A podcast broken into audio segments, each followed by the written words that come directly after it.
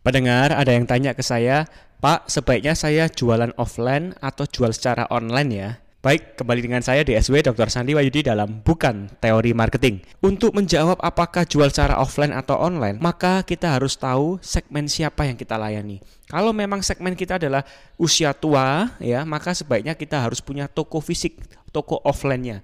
Kalau memang segmen kita adalah anak muda, sebaiknya online aja cukup ya. Maka kita perlu tahu kalau memang segmennya tua, kenapa offline? Karena maaf banyak mereka yang usia tua tidak terlalu paham dengan online. Mereka khawatir, mereka takut kalau transaksi secara online. Mereka ini masih suka terbiasa untuk memegang fisiknya, mencium baunya, bahkan mencicipi rasanya sendiri.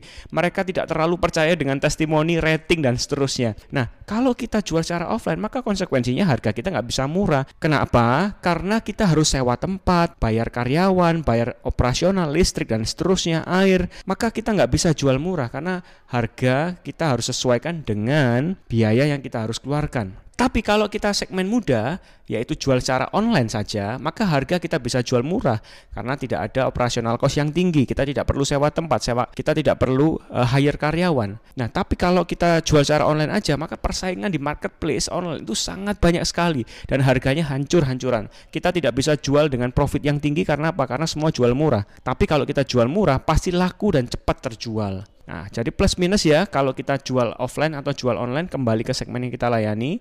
Nah, kalau offline maka layanan yang berbicara, bukan masalah harga saja melainkan juga semakin servis kita semakin bagus, maka akan lebih menguatkan bisnis kita dan segmen itu akan loyal terhadap kita. Berbeda kalau kita jual secara online saja karena hargalah yang pertama dilihat oleh customer, bukan layanan. Jadi kalau kita ingin bersaing, maka sebaiknya adalah kita jual secara online dan kita bisa mungkin punya toko offline-nya juga. Terus ikuti dan follow Instagram pribadi saya @dsw.